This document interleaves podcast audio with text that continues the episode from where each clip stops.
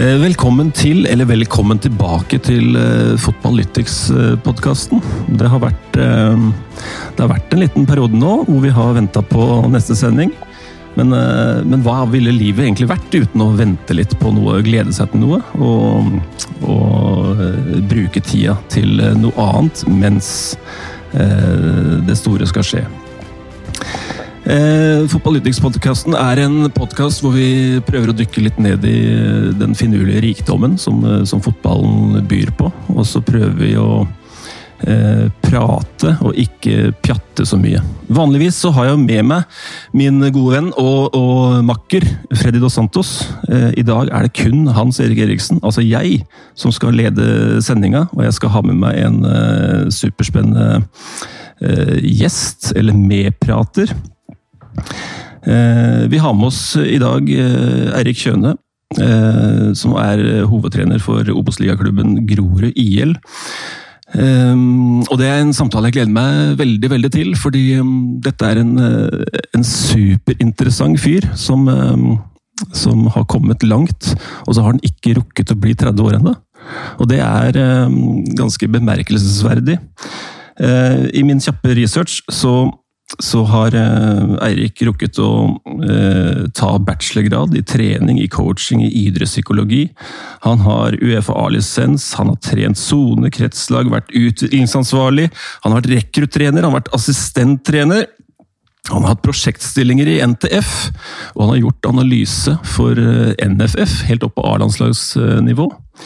Um, og vært i trenerapparatet til Grorud IL siden 2014. Eh, først som assistent til eh, den store Rolf Teigen. Eh, og de siste to årene som hovedtrener. Og tror ikke han var såpass småfrekk at han dro opp en divisjon i sitt andre år som, som A-trener. Og det er vel også første gang Grorud spiller i en av de to øverste divisjonene.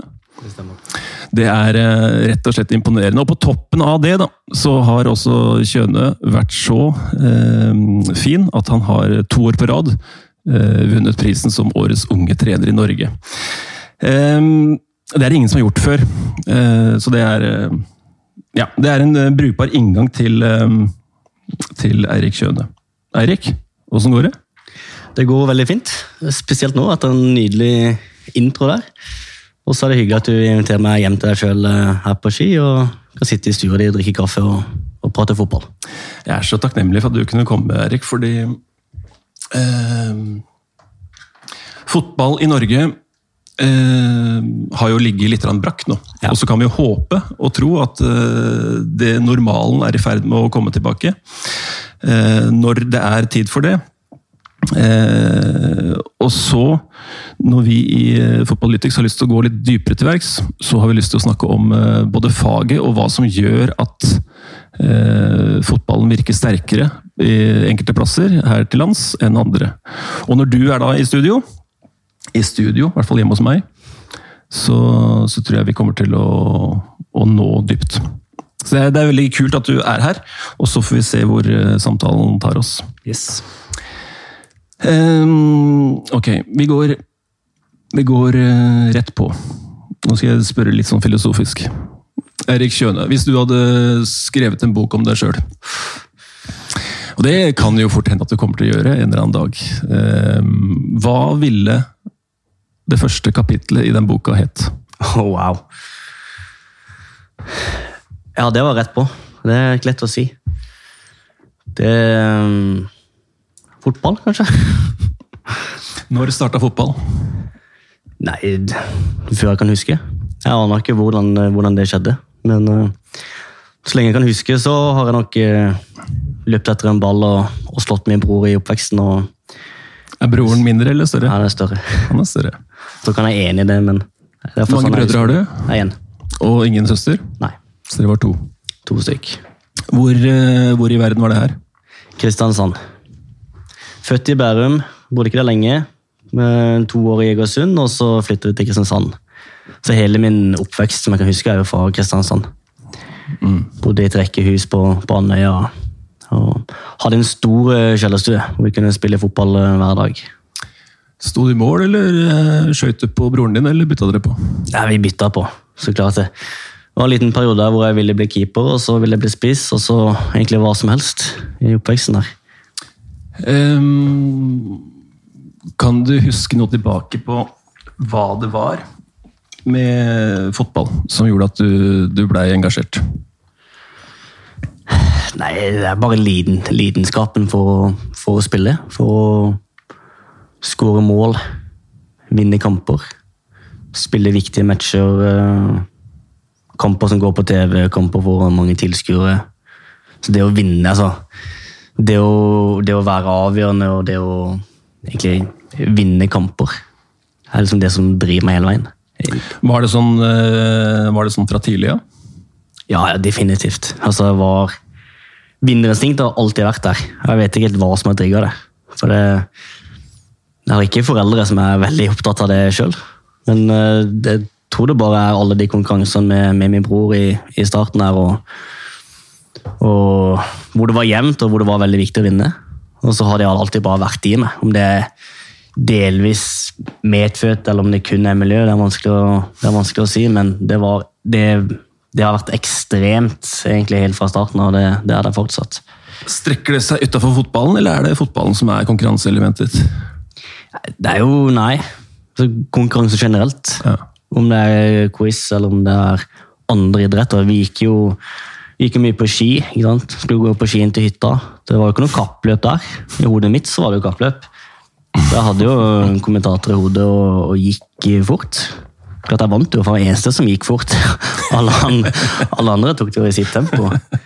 Så jeg tror jeg har Jeg skaper egentlig konkurranser ut av, ut av det meste karakterer på ungdomsskolen. Så, så er det greit å ha, ha en bror som prøver seg først. Så har man noe å strekke seg etter. Hvor mye eldre er han? To, to brødre. Det er perfekt strekkeavstand. strekkavstand. Ja, det er det. det, er det. Hva, eh, er det noen spesielle, spesielle episoder fra barndommen du, du husker eh, bedre enn andre? Og da gjerne eh, ikke nødvendigvis, men kanskje gjerne allikevel eh, relatert til fotball.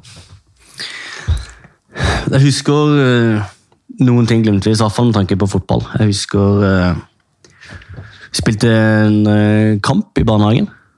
Vi hadde en eh, fotballbane rett ved siden av barnehagen. Der kunne vi gå og spille av og til. Og da var det alle barn og alle voksne var med. Uh, guttene mot jentene. Ja. Så selvfølgelig, som alle barnekamper, så var det jo 9-9 og jævlig spennende. Og jeg husker det betydde ekstremt mye, og det ville være pinlig å tape mot jentene.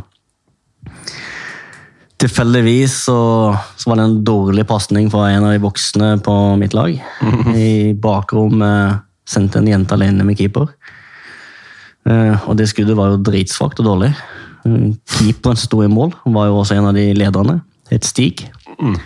Stig. ja. Stig eh, klarte utrolig nok å la den ballen gå mellom beina inn i mål. Med vilje, eller? Med vilje. Det, det skjønte jeg der og da. Tapte vi 10-9. Jentene var drithappy. Mm. Det gjorde meg ekstremt sint. det er eh, eh, et av mange fotballminner eh, i barnehagen. Så husker jeg det, det, det aller første fotballminnet sånn på TV som gjorde sterkt inntrykk, var jo VM 98. Mm. Gruppespillet med en spesielt kamp mot Brasil og Mm. Rekdal matchvinner og løp rundt i gata med et norsk flagg. Jeg tror Da det gjorde sterkt inntrykk. syv. År. Det gjorde sterkt inntrykk. Det gjorde det. Hvis du går eh, ja, noen år fram i tid, hvor mye av den barndommen dro du videre til ungdomstida di? Eh, og hvilke ambisjoner hadde du da som, eh, som spiller, kanskje først og fremst? Jeg tror det må være en, en, en fotballspiller har vært min identitet hele veien. Jeg er en fotballmann, da, som jeg er nå. Eh, Selvfølgelig ikke det eneste, men det viktigste i oppveksten. Så det dro jeg med meg inn på barneskolen, ungdomsskolen, videregående skole. Um, Hvor god var du? Jeg var ikke, ikke noe sånn kjempetalent, det, det var jeg ikke. Var tidlig god og måte, blant de beste i klassen og en av de første som ble valgt eh, når vi hadde Fusan-valg i, i skolegården. Um, men vi spilte jo, vi hadde jo klasselag egentlig hele veien. Ja. Så man, man skulle sammenligne seg med andre spillere på sitt kull. da. Og når jeg først begynte med sonelag og kretslag, så, så var jeg ikke tatt ut. Verken på, på sonelag eller kretslag. Så skjedde det veldig mye fra den 14-15-årsalderen. Ja. Jeg var Jeg tror jeg Jeg har aldri vært noe sånn ekstremt rask, ekstremt god til å drible eller noe talent eh, av noe slag. Men jeg var eh, Jeg har alltid vært ekstremt sånn dedikert, seriøs, disiplinert i arbeidet. Lagt ned mye, mange timer og skrevet treningsdagbok. Hørt på hva treneren sier. altså sånn typiske gjøre de rette tingene. Både på skolen og i fotballen. Eh, godt trent, gode basisferdigheter, for jeg jobba mye med teknikk. ikke sant? Så det skjedde mye fra den fra 14 år og ikke var på sonelag, til, til 15 år. Hvor jeg etter hvert spilt meg inn på sonelaget og så kretslag. Fast plass på kretslaget og så regionsamling. Gikk det en eh, F i deg, eller? Når du ikke ble tatt ut i første omgang, eller var det bare du var i en eh, såkalt prosess? Ja, det er mer nummer to. At jeg var i en, en prosess hvor jeg, jeg Jeg tror egentlig jeg følte det var riktig. Så spillere var jo på uttak og, og så at her er det mange spillere som er større enn meg, de er sterkere. Følte at de var bedre. Og tenkte at ok, det var, det var utrolig kjipt, men, men jeg tenkte ikke noe sånn at det var ekstremt urettferdig eller var noe å gi opp. Det var mer sånn Ok, bare jobba videre, egentlig. Du havner i Skottland. Ja. Hvor gammel er du da? Da er jeg 16 år. Hvor i Skottland snakker vi da? snakker vi Falkirk, som, eh, som da var i Premier League på den tida der. Ganske spennende klubb. Eh, Hva gjorde at du kom eh, reiste dit? Vi hadde en trener i Våg, eh, Vetle Andersen, som har spilt i utallige klubber. Over ti. Blant annet eh, et par i Skottland. Og han hadde en god venn som da var trener for et akademilag i Falkirk. og de ville gjøre noe ekstra, for vi var en gruppe spillere i Våg som var veldig dedikerte og begynte å bli bra. Så ville de gi oss en gevinst da, med et treningsopphold i utlandet. Så da skulle vi egentlig først til, til Hearts, og så gikk det i, dass. Og så endte vi opp i Falkirk istedenfor. En klubb som ingen av oss hadde hørt om, selvfølgelig. Så, så da fiksa han det, og så var vi fem, eh, fem gutter der på 15 år som, som dro over sammen med trenere og, og fikk en ukes opphold der. Det var aldri snakk om noen prøvespiller. Da var det over for å trene og egentlig bare for å få en erfaring og inspirasjon for veien videre. Eh, Men klart, eh, den uka der så, så syns Da trente vi U19-laget. Eh, Og U19-lag i England og Skottland er jo fulltidsproffer. Det er fullført i skolen når det er 16, og så er det ganske vanlig å ta lærlingjobber istedenfor å studere videre. Mm. Og sånn er det også i fotballen der. Så det vi møtte der, var jo en helt annen hverdag. Altså, det var jo en helt annen verden. Vi spilte jo på et guttelag i Våg, og, og nå trente vi med, med fulltidsproffer eh, nede i Skottland på et, på et anlegg i, De trente i Stirling, eh, på universitetet i Stirling. Fasilitetene der er helt fantastiske. Så det er oppe, det er, det er strøkne gressmater oppe midt imellom fjell. Det er litt som, som du ser bilder av Færøyene nå. Bare det er gress og ikke kunstgress. Og fasilitetene i forhold til svømmehall, eh, styrkerom altså Det var et idrettsuniversitet eh, av ypperste klasse. Og da er vi i årstall. Det er i, vi var på prøvespill der i 2006. Ja. eh, Og så fikk jeg kontrakt og flytta over i 2007. ja. Og så var du der i to år, eller? Da var jeg to år. Hva gjorde det oppholdet med deg, ja? Ikke bare som spiller, men også hva Hvilke erfaringer sitter du tilbake med? Ja, det Det er et ekstremt uh, dypt spørsmål, for det, det er mye. Det er klart, det å Det å være 16 og, og flytte til utlandet, til et nytt land hvor man ikke Var du aleine, eller var det er helt alene. Helt alene. Så det er han han treneren som han akademitreneren som fikk oss over der, var jo en vi ble litt kjent med. Ja. Eh, og det var han jeg bodde hos eh, det første året. Ja. Eh, så jeg kjente jo litt til han, men det var jo ikke noen nær relasjon. Og det å gå fra å, å spille med et klasselag egentlig i Våg, eh, og gå på ungdomsskolen, til å plutselig være i utlandet og leve av fotballen og ha det som jobb. Og eh, må klare deg sjøl. Du må, jeg tok buss til trening sjøl. og språket er greit. Det er, det er engelsk, det sier de iallfall, men det er jo ikke det. Altså, det er 16-17 år, 17 år gamle gutter fra Glasgow som sitter i en fotballgarderobe og prater drit. Og det, du må oppleve det. Det er ikke engelsk. Det er et helt annet språk. Ja. Og det tok helt seriøst så tok det tre-fire måneder før jeg skjønte hva noen sa. Ja. Så sitter man plutselig der fra å ha familie, klassekamerater som du ser på skolen, du ser dem på trening, du ser dem hver helg, og så sitter man helt alene i garderobe og ikke skjønner en dritt av hva de snakker om. Eh, som er én ting sånn personlig eh, Hva gjør det med deg?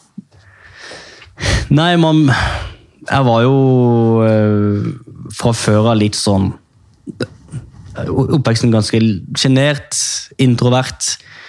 Eh, ikke den som prater i forsamlinger, og det blir ikke noe lettere når du ikke kan språket. Og du sitter med eldre gutter og, du sitter i en presset situasjon. Så klart, det var jo Det var jo en tid hvor jeg var eh, usikker og litt sånn nervøs og redd for å gjøre feil. Det var en, eh, det er også en annen fotballkultur der enn i Norge. Tenkte du noen gang på å dra hjem, eller? Nei. Fordi Nei, det, det er vanskelig. Det er også tenkt på ettertid. Det er veldig vanskelig. Jeg husker eh, Ja, det blir sånn det, Man føler man er på rett plass. da. Altså Man skal bli fotballspiller. Det er drømmen. Eh, å dra å dra til utlandet og leve fotballen og ha det som hverdag, er jo altså, selvfølgelig. Altså, når jeg fikk, fikk det tilbudet, jeg husker det var mye snakk om det hjemme, eh, og blant kompiser og besteforeldre, og sånn, hva, tenker om det? Har du, har du lyst til å flytte fra kamerater og, og dra til utlandet og være helt alene? Har du lyst til det? Altså, det var aldri noe tvil.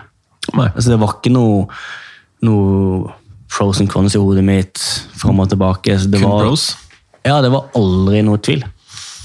Jeg husker pappa sa du må sette deg ned og virkelig tenke over dette og lage en liste over plusser og minuser. og greit, Jeg gjorde det, da, men det var mest for, for pappa og mamma sin skyld. at jeg lagde liksom... Var jo, for min del så var det aldri, aldri noen diskusjon. Selvfølgelig når du kan leve fotball i utlandet, så gjør man det. Men jeg tror det er som 16-åring, jeg ante jo ikke. Jeg husker jeg snakka med Bob. Bob Bradley på et cupfinaleseminar. Eh, Det var vel 2018, kanskje. Hvor han skulle snakke om eh, da han skulle velge Swansea, eller ikke Swansea.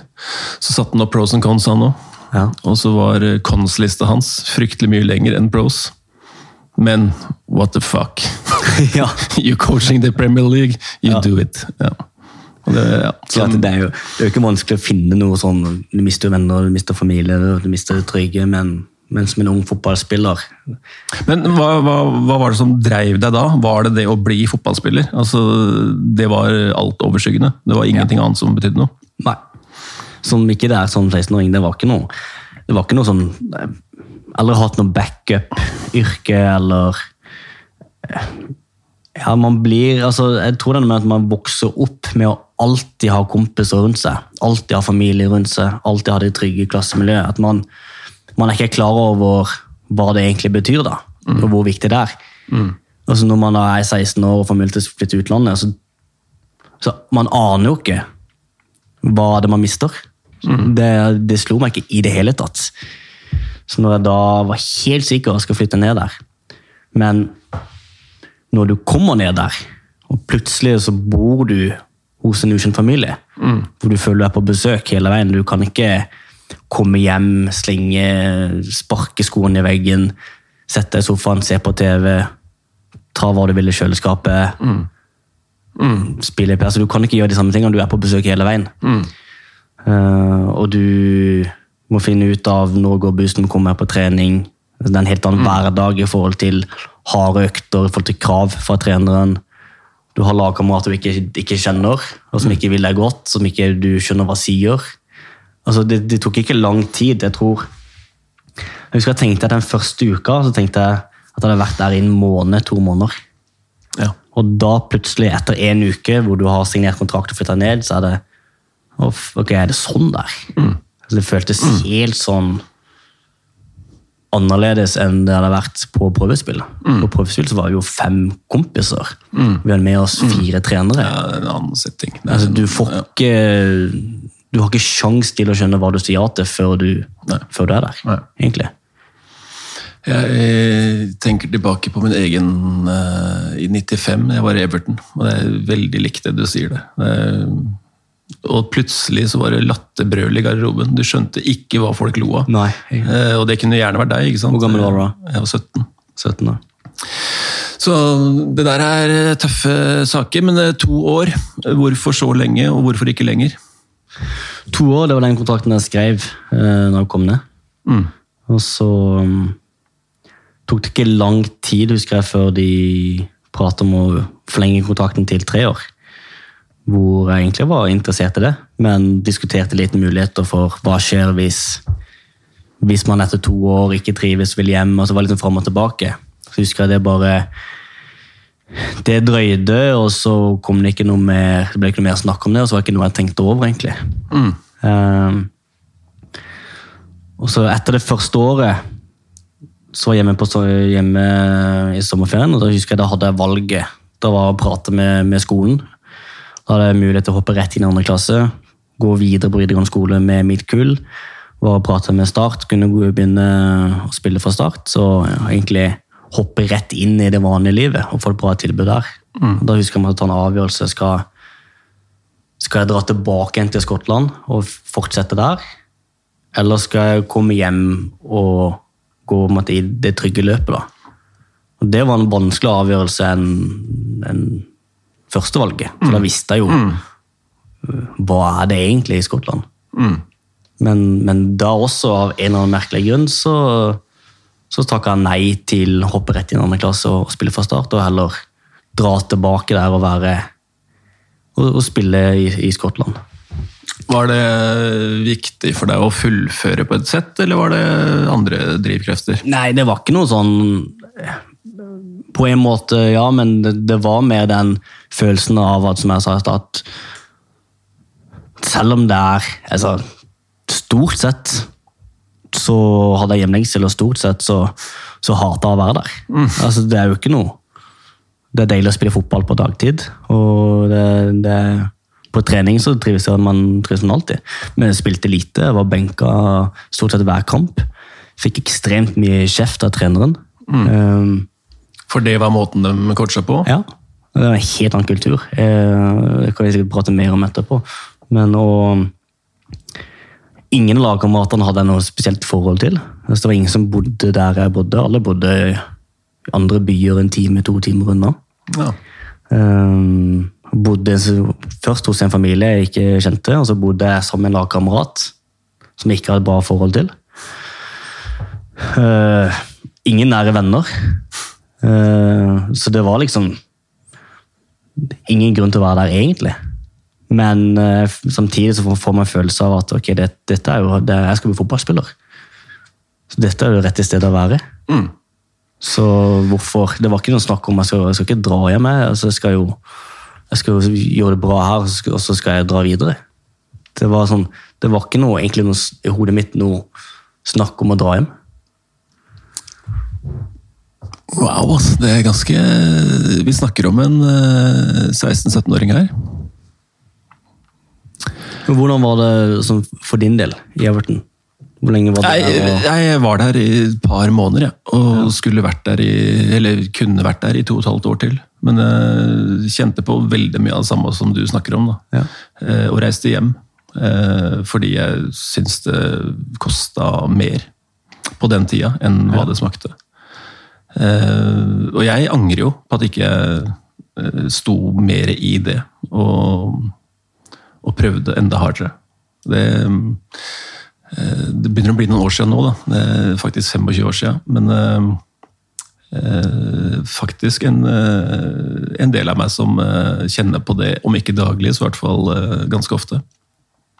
Men det var, det, det var de samme mekanismene. Lite Eller få eller ingen lagkamerater som ønska deg særlig vel. Og, men, men jeg trente jo med A-laget, så jeg er jo Everton-fan i tillegg. Da, så jeg satt jo plutselig på fyserommet sammen med Duncan Ferguson og, Ja. og fikk behandling. Og levde jo på ett sett drømmen, Ja. også på andre bodde hos en vertsfamilie. eh, Var gjest. Eh, Det hendte at eh, det bodde hos en spiller fra Everton eh, U19 der, på samme, i, i samme familie som meg. Det hendte jo han spurte skal du være med på det og det, men det var sjelden. Så jeg følte jo aldri at jeg var en del av laget der. Eh, og en trener, Mr. Fogg, som var eh, brutal da, i eh, coachinga si. Jeg husker jeg kom med hansker en gang på trening, for jeg var der i, på vinteren.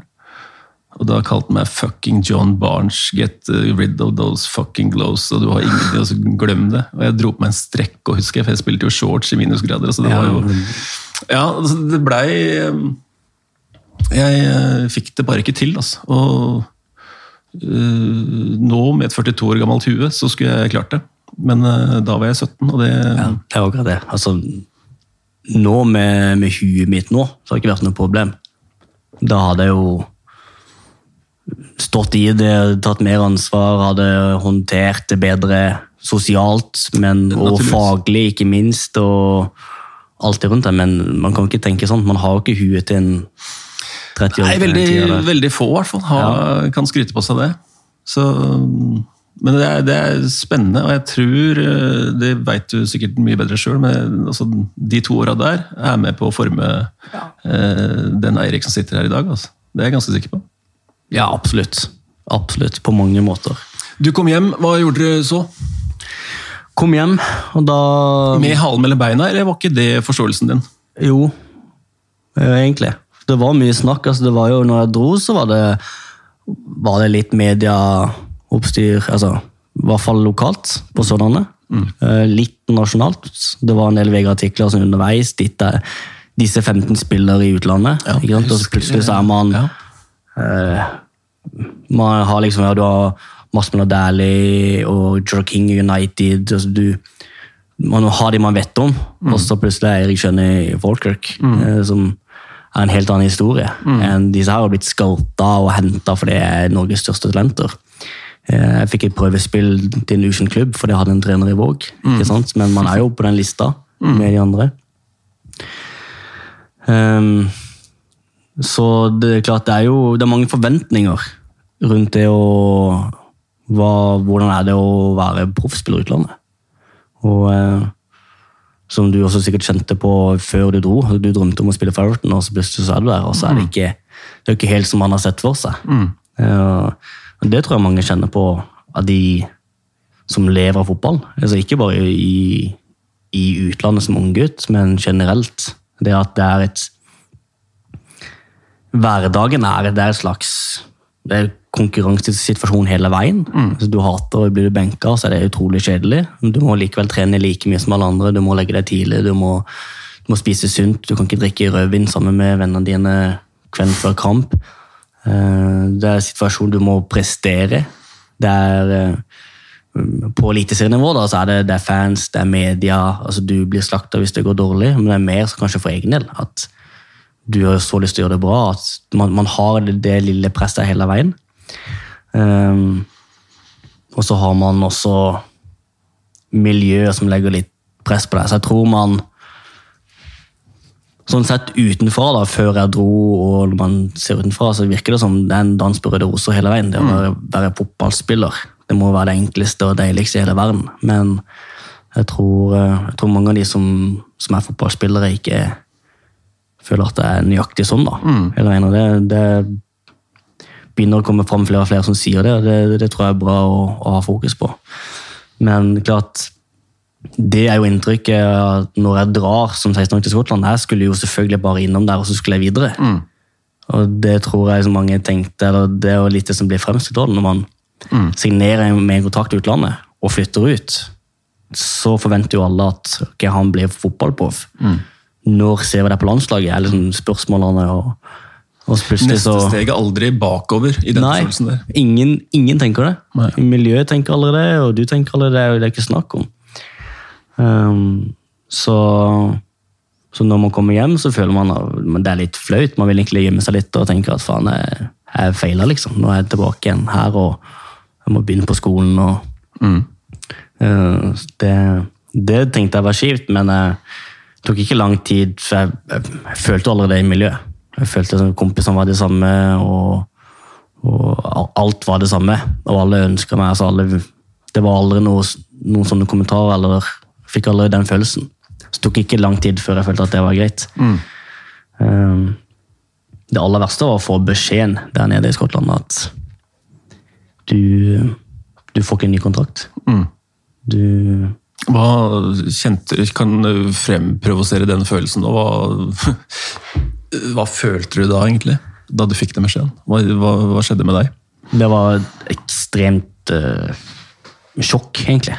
Det hadde jeg aldri sett for meg at det kom til å skje. Jeg hadde aldri sett for meg at det var liksom bare snakk om neste kontrakt og nå skal jeg komme videre. Det var det. Altså hele, hele livet mitt, hele karrieren, så har jeg jo blitt eldre, og man blir jo litt bedre og litt bedre. og litt bedre. Hele veien gått liksom fra ikke-sonelag til sonelag til kretsdag, til, altså, og så utlandet. Så hadde kun hatt progresjon, da.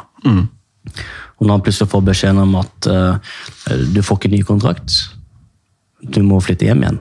Og da er sånn helt ikke, Det scenarioet hadde jeg ikke sett for meg. Så jeg husker, jeg husker den følelsen veldig godt. Jeg husker Det var rett det var utrolig dårlig sted og timing å ta det på. Det var rett etter en kamp vi hadde tapt.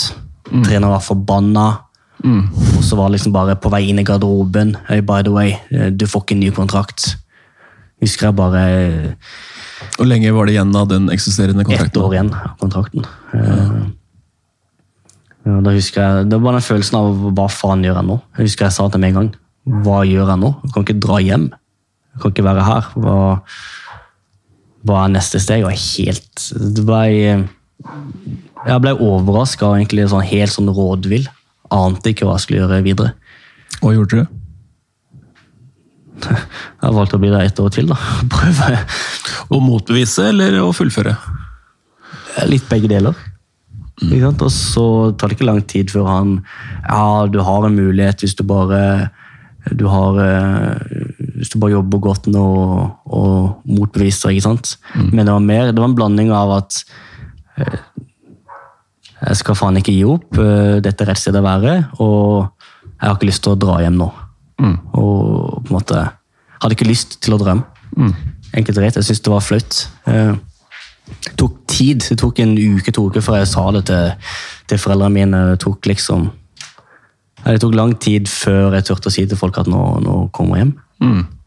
Det var kanskje ikke ett år, men i hvert fall, i hvert fall et halvt år igjen av kontrakten. når det ble sagt. Mm. Så, så det, det er rart å tenke på nå. Men du kom hjem, og hva, hvor eh, gikk ferden da som spiller? Og hvor var du da i huet ditt? Da var jeg veldig sånn enten-eller. En, enten så Så bare trapper jeg helt ned, og så spiller jeg junior 2-fotball og bare koser meg.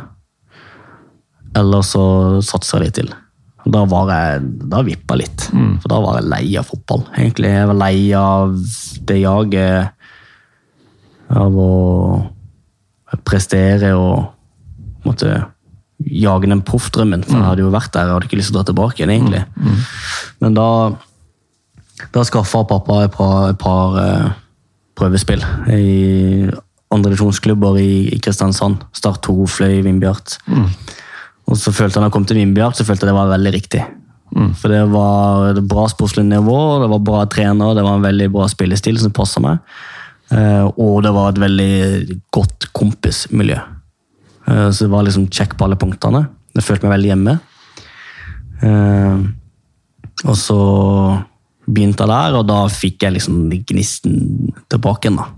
For da var det veldig naturlig. Liksom, hva er neste steg? Jeg kom der. Eh, var jo da 18 år og ikke god nok til å, til å spille, men veien fram var ikke så lang. og Fikk etter hvert noen innhopp, og så fikk jeg spille, og så var det å etablere seg. altså Da var det veldig naturlig.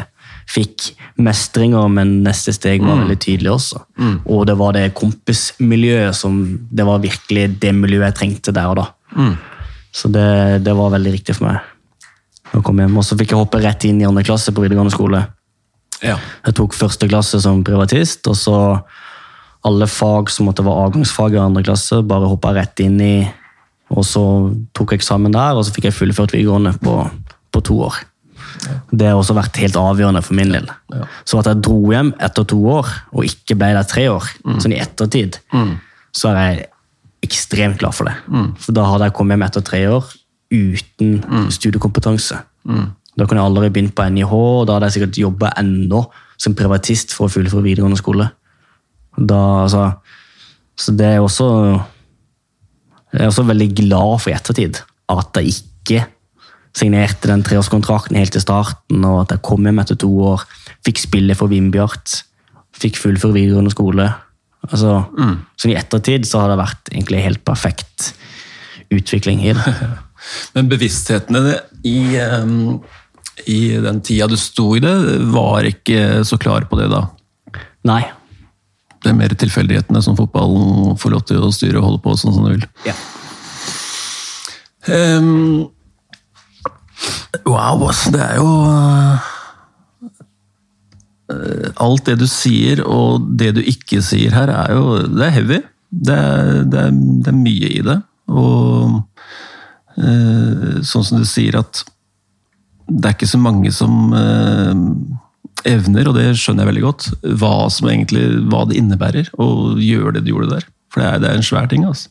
Det er svære Det er så mange følelser og mye du skal holde styr på. Eh, Vindbjart, og så gjør du Oslo-gutta deg etter hvert. For du skal begynne å studere. Du, I den fasen, er du i ferd med å fase deg sjøl over til trener da, eller er du spiller i eget hue også?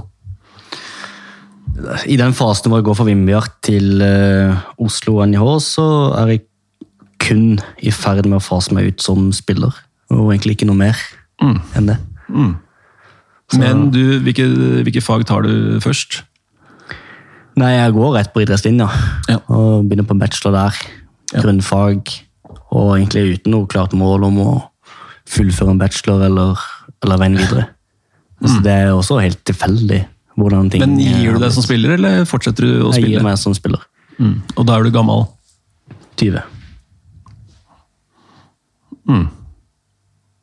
Så du går fra å drømme om å bli proff, du er proff, Mm.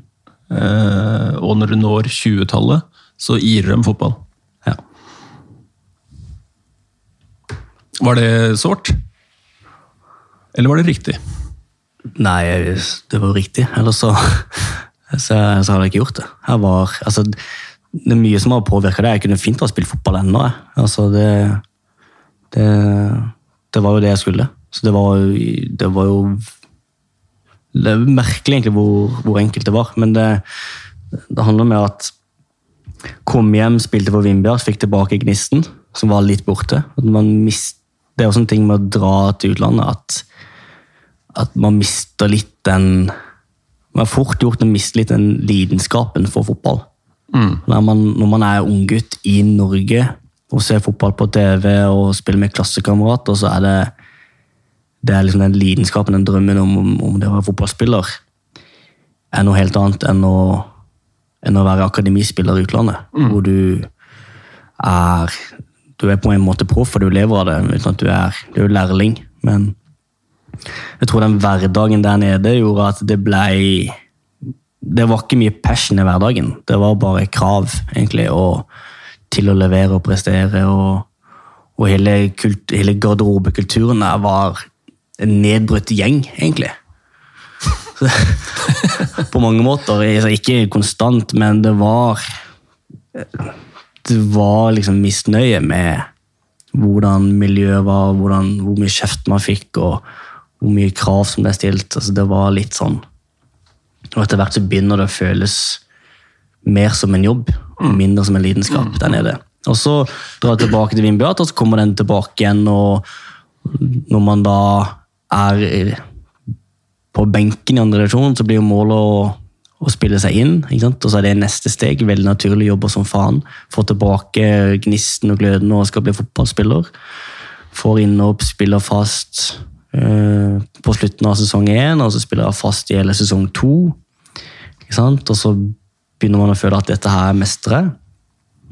Sesong tre handler da om å ja, Nå må vi rykke opp. Da er det der i hodet mitt at okay, nå må det skje noe.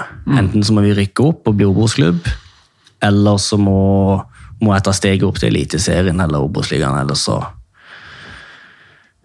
Eller så vet jeg ikke om jeg gidder å bruke hver helg og hver kveld. Sånn tenkte jeg da.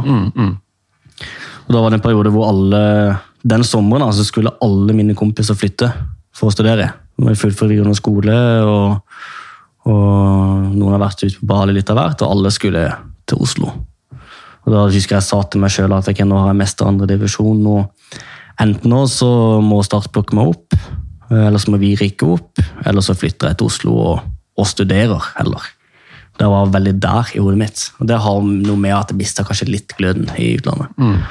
jeg husker Ganske tidlig på våren så skjønte vi at uh, det blir ikke noe opprykk. Um, rett før sommerferien så var jeg ønska, eller Start var interessert.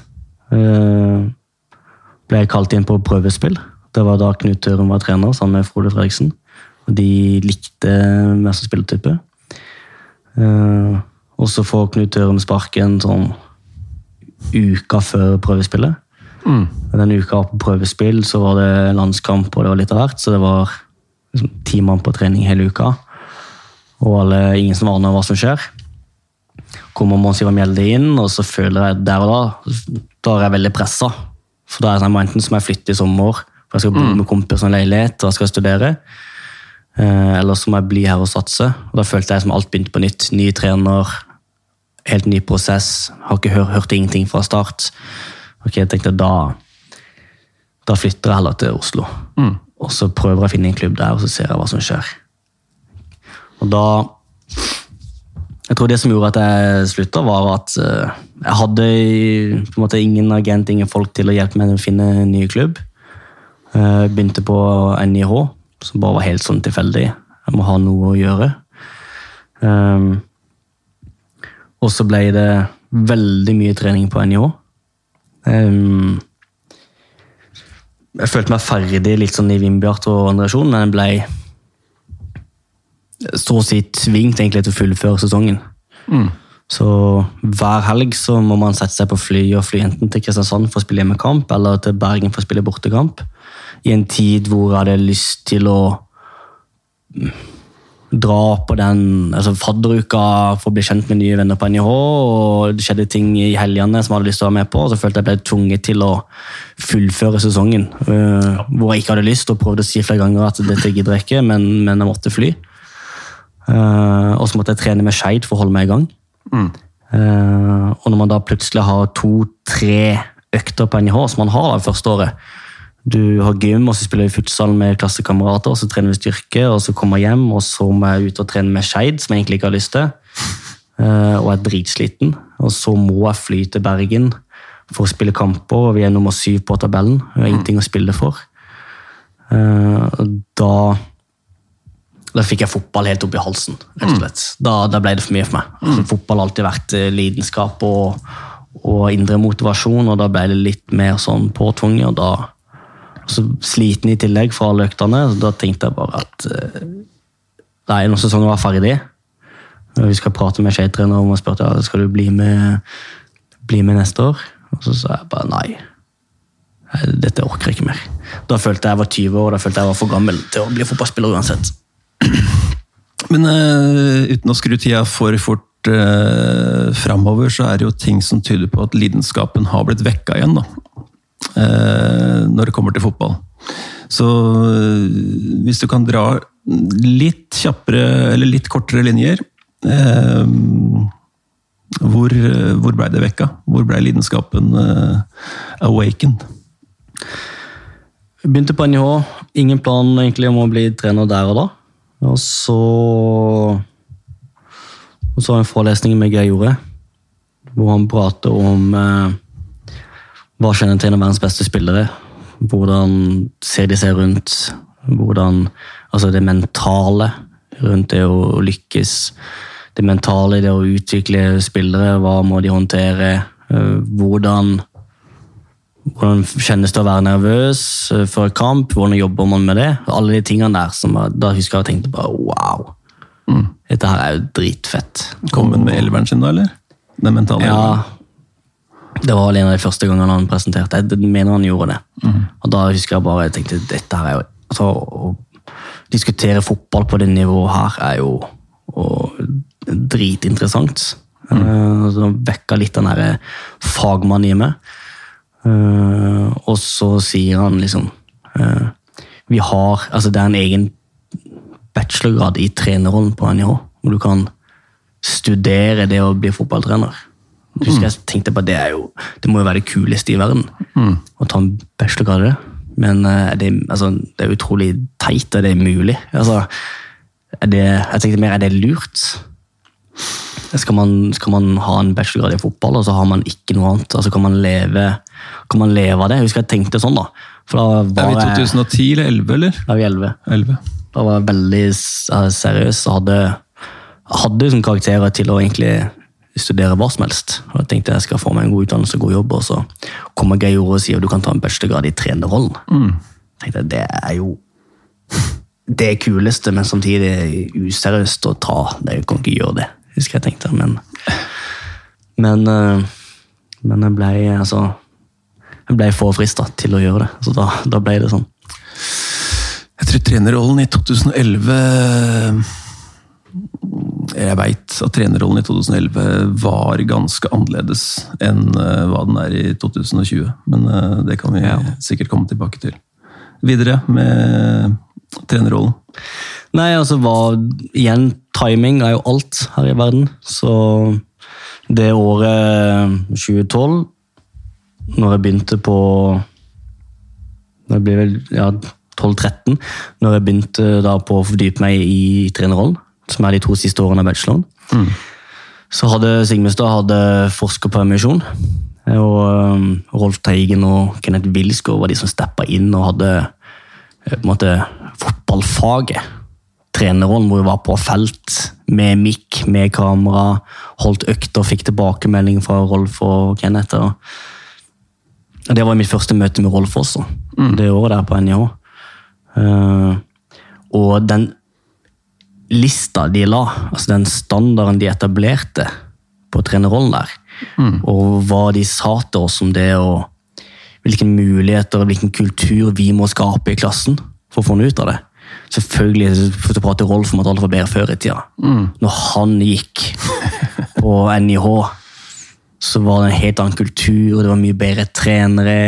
Han sa at de satt og leste hver dag på biblioteket, de prata fag døgnet rundt. Det er den kulturen dere må skape. Eh, og så var han med på å skape det. Og så tror jeg vi var heldige med at i klassen så hadde vi ganske mange seriøse fotballtrenere som ville det samme. Så vi klarte å skape den kulturen.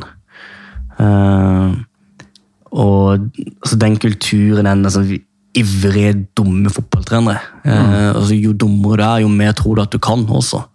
Så vi, vi trodde jo jeg svar på alt. Men vi skjønte jo hver time at vi ikke skjønte altså, Vi kan jo ingenting. For, for Rolf har jo svar på alt. Og det er jo Det har han fortsatt. ja, ikke sant? Eh, og, og det skjønte vi ganske tidlig, at eh, her er det Altså, fotballfaget er så ekstremt komplekst at du kan liksom aldri bli ferdig med å utforske det og dykke i det. Eh, og det er også noe som har trigga meg veldig mye. og Som man aldri tenker over som spiller. Og eh, man tror det er enkelt, man tror det er lite, og at man man er ikke visst å ta en bachelorgrad av det, det kan du lære på et, eh, et kurs, men, men altså, jo mer du dykker i det og ser sammenhenger så Fotball er jo, det kan jo dra i alle retninger, det kan jo være alt mulig. I forhold til menneske og utvikling og fysiologi, og, og så er du i tillegg til det så er du 11 mot 11. Så det er jo Du blir jo aldri ferdig å utforske det. Og det var det han skapte, da. Og det, det bare trigga den der eh, altså faghodet og lidenskapen videre, da. Så da gikk det ganske fort over til å bli sånn lidenskapelig for å for fotballfag, egentlig, og, og trenerrollen og lede mennesker og talentutvikling. og få noe til Samme type lidenskap som du hadde som spiller, eller eh, er det noe forandring her? Nei, samme type lidenskap. Det handler, det, det er det bunner i det samme. Det handler om å få til noe, bygge noe, vinne kamper. Det er fortsatt den vinnermentaliteten. Er derfor jeg elsker å jobbe med scenefotball. Altså, jeg elsker også å jobbe med, med spillerutvikling, men jeg liker å være på en størst mulig arena. Og vinne viktige kamper. Og kjenne på at ting betyr noe. Og ikke bare tenke at kampen er en del av en utvikling, og det er ikke så viktig, du skal bli en A-lagsspiller. Det er ekstremt mye det som er spennende, men jeg liker å jobbe med, med kampen, det å vinne fotballkamp. Det, det er det som er kult. Å vinne eh, viktigere enn alt, eller er eh, Eller så, si det på en annen måte. Å vinne er viktigst. Det er det du sier. Ja. Eh, måten du vinner på, har det noe å si? Eller er det metoden du bruker for å vinne som er avgjørende? Det er mye kulere å vinne på en fin måte. Hvis, du kan, hvis man kan gjøre det, så, så, det, så er det kulere. Men det er aldri viktigere enn å vinne kampen. Og jeg har alltid vært, uh, alltid vært kynisk. Altså, det handler om å, handler om å vinne. Men, uh, men jeg ønsker å Hvis jeg kan velge, så ønsker jeg å, å skape og, å lede fotballag som begeistrer. Og spiller fin fotball, og som får med seg publikum, og som folk liker å se på. Det, Det er en krevende øvelse, da. For det, Ja, det er ekstremt krevende. folk liker mye forskjellig. ja. Eh, to år som assistent for Rolf Teigen i, i Grorud. Hva, hvis du skal bruke ett minutt av livet ditt på å fortelle hva du lærte av det som du på en måte bruker i dag, eh, og hva har du eventuelt videreutvikla? Rolf er eh, eh, fot, mm, fotballfagets eh, president. Altså han er eh, Det finnes ikke en tanke han ikke har tenkt. Altså det er òg satt i system. Altså Måten han eh, setter ting i system, organiserer ting og bryter ned ting i fotballspillet. og Altså, han har eh, Han har tenkt fotball i, i 70 år, og han er jo ikke det engang. Eh, så Så det, det aller meste altså Helt fra første stund jeg begynte å jobbe med fotball, egentlig, og, og til jeg tok over A-laget, så har jeg jo jobba med Rolf, enten i, i toppfotballsenteret eller i, i Grorud. Så det å kjenne til hva gjør verdens beste, hva er effektiv fotball, eh, hvordan få spille ned til en metodikk eh, Ja, rett og slett bare bryte ned spillet. Hva, hva, altså, spillestilen vår er jo også et produkt av, av noe Rolf har ført inn for lenge siden, som vi har bygd videre på. Uh, så jeg vil si altså han, altså Det er undervurdert når man prater med Rolf, man prater alltid om fotballfaget og hva han kan, men han er en ekstremt god spiller og trenerutvikler. Det er veldig mange trenere som nå jobber i toppfotballen, eh, som har vært spiller eller trener sammen med Rolf. Paco, blant annet. Ja, ja, ja. det er mange. vært heldig sjøl som får lov til å delta sammen med både Paco og, og Rolf i, i landslagssammenheng. Og det er jo Du som jobber med Rolf nå, da. Du, hvordan vil du beskrive Rolf? utrettelig rikdom da, i faget. Og det, det fins liksom ingen eh, Det fins ingen problemer. i, i faget fotball som ikke Rolf har en løsning på. Da. Og den kommer så fort òg. Eh, og sånn han forklarer med en sånn letthet. Ja. Det er Ikke bare fort, men han har satt det i system. Det er ikke så vanskelig. Det er bare bam, bam, bam, bam, bam, Ja. Og så er vi der. Da lurer vi tyskerne.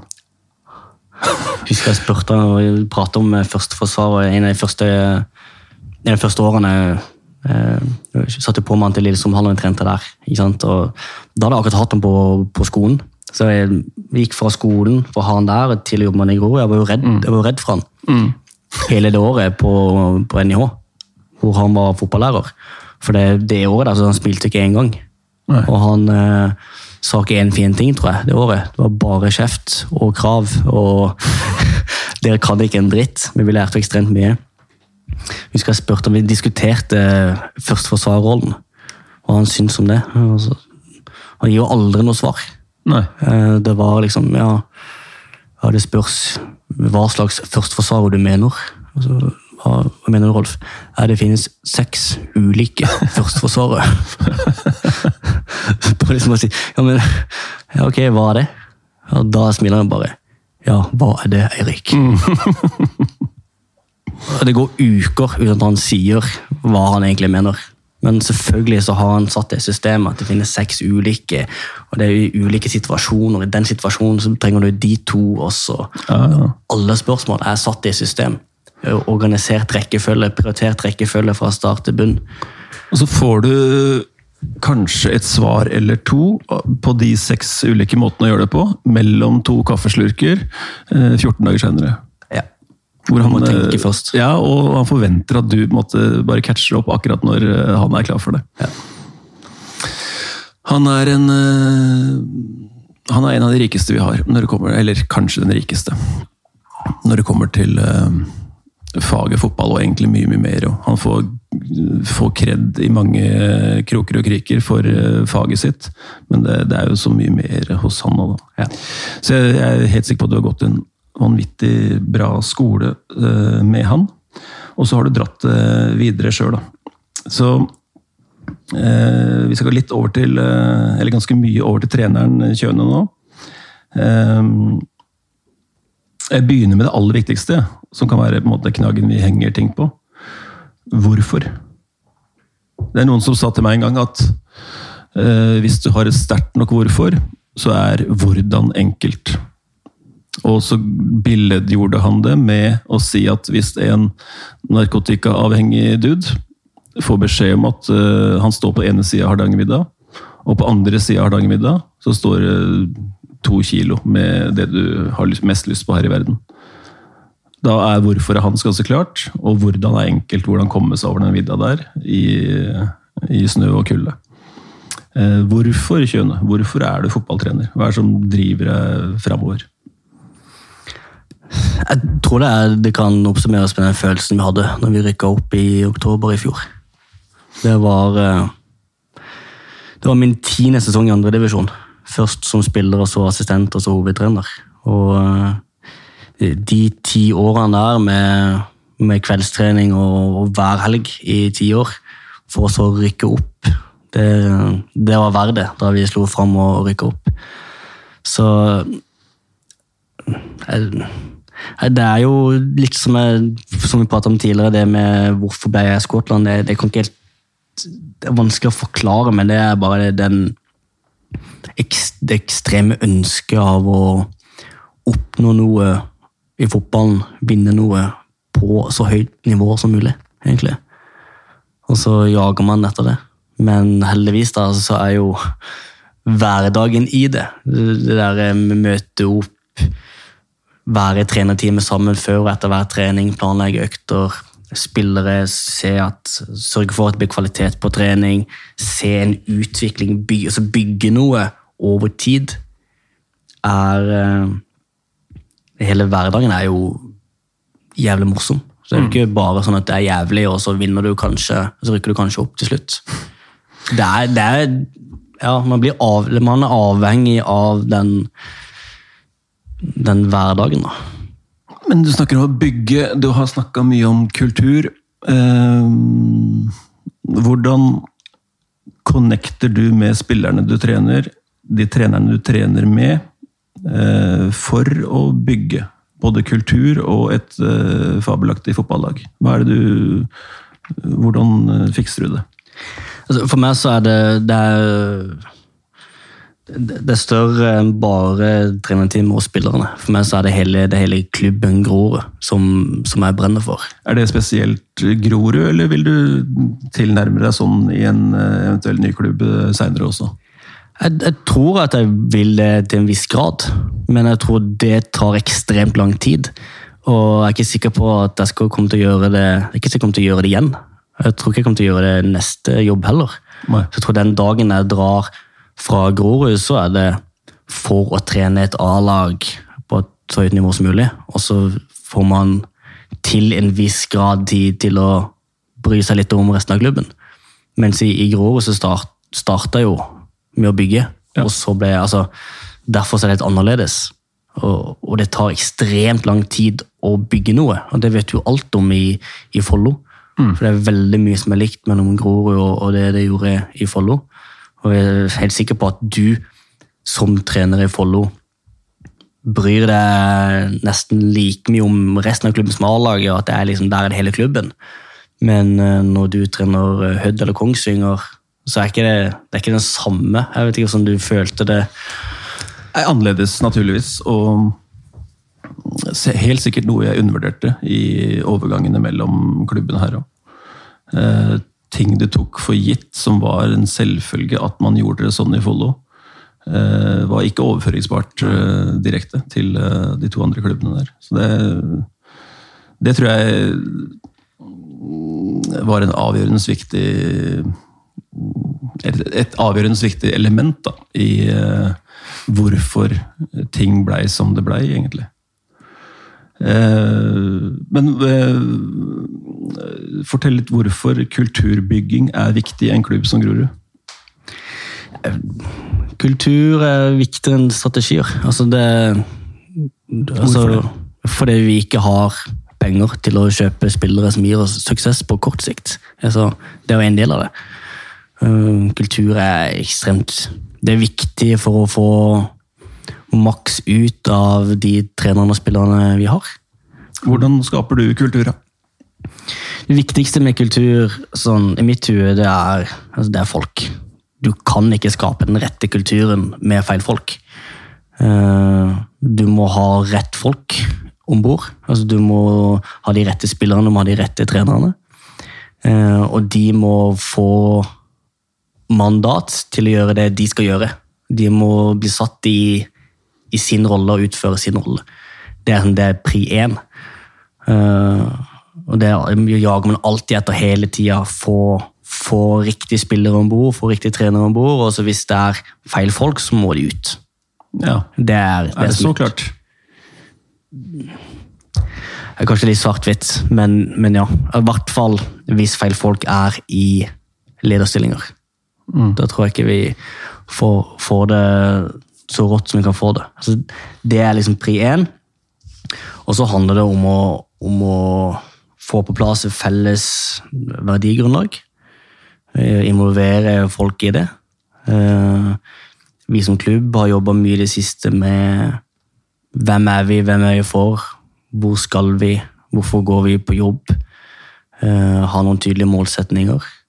Så kan man jobbe mye internt i gruppa rundt A-laget på eh, å finne ut av hvordan, hvordan vil vi ha det. Man kan skape en kultur med folk. Eh, hvem skal vi være? Skal vi være det laget som eh, går ut der og blør for hverandre? Skal vi være det tikket tak av finspillerlaget? Hvem skal vi være som mennesker utenfor banen? Hvordan skal vi ha det i garderoben? Der er det veldig ulikt. Eh, Det er også litt ut ifra hvilke folk man henter inn. Skal man være hele tida liksom Stille tøffe krav til at man må prestere og være tøffe med hverandre? Være profesjonell med måten her, eller skal man bygge det kompismiljøet som vi hadde i Vindbjart? Eh, Der kan man være med å forme folk, for all del. Hvilket vi er det du um, har lyst til at Grorud skal være? Du er inne på sosialt vi, Vindbjart. profesjonelt vi, du, hvis du, jeg forstår deg riktig, så er det litt mer Falkirk, hvor du er på jobb. Eh, hvor det er litt sånn tungt, men seriøst, og gjør jobben din og gå hjem og kom tilbake igjen i morgen. Hvor er du, Hvilke vi er det du eh, har lyst til å skape? Kulturmessig så har jeg lyst til å skape det vi-et om at alle som, som er i klubben, enten på trenersida, ledersida eller spillersida, er ekstremt dedikerte, har høye ambisjoner. Altså, de er der fordi de skal få til noe. Eh, helst sammen. Og det må alle må, må inn og bidra til fellesskapet, og dette skal vi få til sammen. Men eh, jeg vil også at spillerne har ambisjoner om å oppnå større ting enn en andre divisjon Obos-liga. Eh, men selvfølgelig ulike roller. Altså de selvfølgelig unge spillere henter inn, må være ekstremt profesjonelle, seriøse, ambisiøse. De må gjøre alt de kan hver dag for å bli bedre. Det, det er de spillerne vi jakter, og vi har jo et par som du kjenner veldig godt fra, fra landslaget du er trener for. Um, og så har man en ulik sammensetning i, i avstand, som ikke er helt ubevisst. Det er også en viktig del av spillelogistikken. Men de eldste spillerne som ikke lenger har ambisjoner om å bli solgt eller spille Champions League, mm de må være sultne, de må være dedikerte, de må forstå sin rolle som rollemodell. Eh, og de må være eh, De må være all in på hva man skal bygge på A-laget. Mm. Hva man skal få til. Mm. Og at de sin ambisjon er å få til noe med Grorud. Mm. Og da må man skape en kultur og få med seg resten. Og sørge for at ungguttene gjør de rette tingene for å mm. prestere og for å bli bedre. Mm. Og hvis de er på vei i feil retning, så må du nesten ta dem med nakketak og sette dem tilbake igjen, vise dem vei. Mm. Men jeg mener at hvis du har feil ledere Hvis de som styrer dynamikken i garderoben, som styrer praten, som folk ser opp til, hvis det er feil folk, mm. da kan ikke du som trener påvirke den kulturen og få den prestasjonskulturen i rett mm. retning. Det, det, har ikke jeg ennå tro på. Da, hvis du da bruker all din tid og energi på å få de feil lederne som egentlig ikke har noen motivasjon for å være der, jobbe med de for at de skal bli rett, og at de skal Greit, jeg kan prøve å være et bra forbilde. Jeg tror jeg vil skli ut. Hvis de lederne da, um, har noen ferdigheter som gjør at du øker muligheten for å vinne kampen i morgen. Hvor lett er det på en måte å kvitte seg med det? Nei, selvfølgelig. selvfølgelig. Det er jo alltid en sånn dragkamp man har. Og ingen, Det er jo ikke sånn at alle i garderoben er perfekt. Og Hvis du bare jakter perfekte gutter, så kan du få en fin kultur, men det er ikke sikkert du rykker opp. Men det er der du alltid må veie det med eh, Ok, hvor viktig er det på banen? hvor sterk innflytelse har de i garderoben, og hvordan påvirker det resten. Man kan ha, Det er jo langt ifra alle i vår garderobe som er perfekte. Mm. Det er mange som gjør eh, som driter seg ut i ny og ne, og som ikke gjør alt rett. Men jeg må vurdere graden av innflytelse det har på gruppa. Mm. Mm. Eh, og hvor viktig den spilleren er. Mm. Jeg tror er mer jeg har mer lyst til at man skaper en kultur som gir mulighet for alle spillergrupper til å virkelig utvikle seg og ta steg. At man får til noe sammen fordi kulturen er rett eh, for de unge spillerne.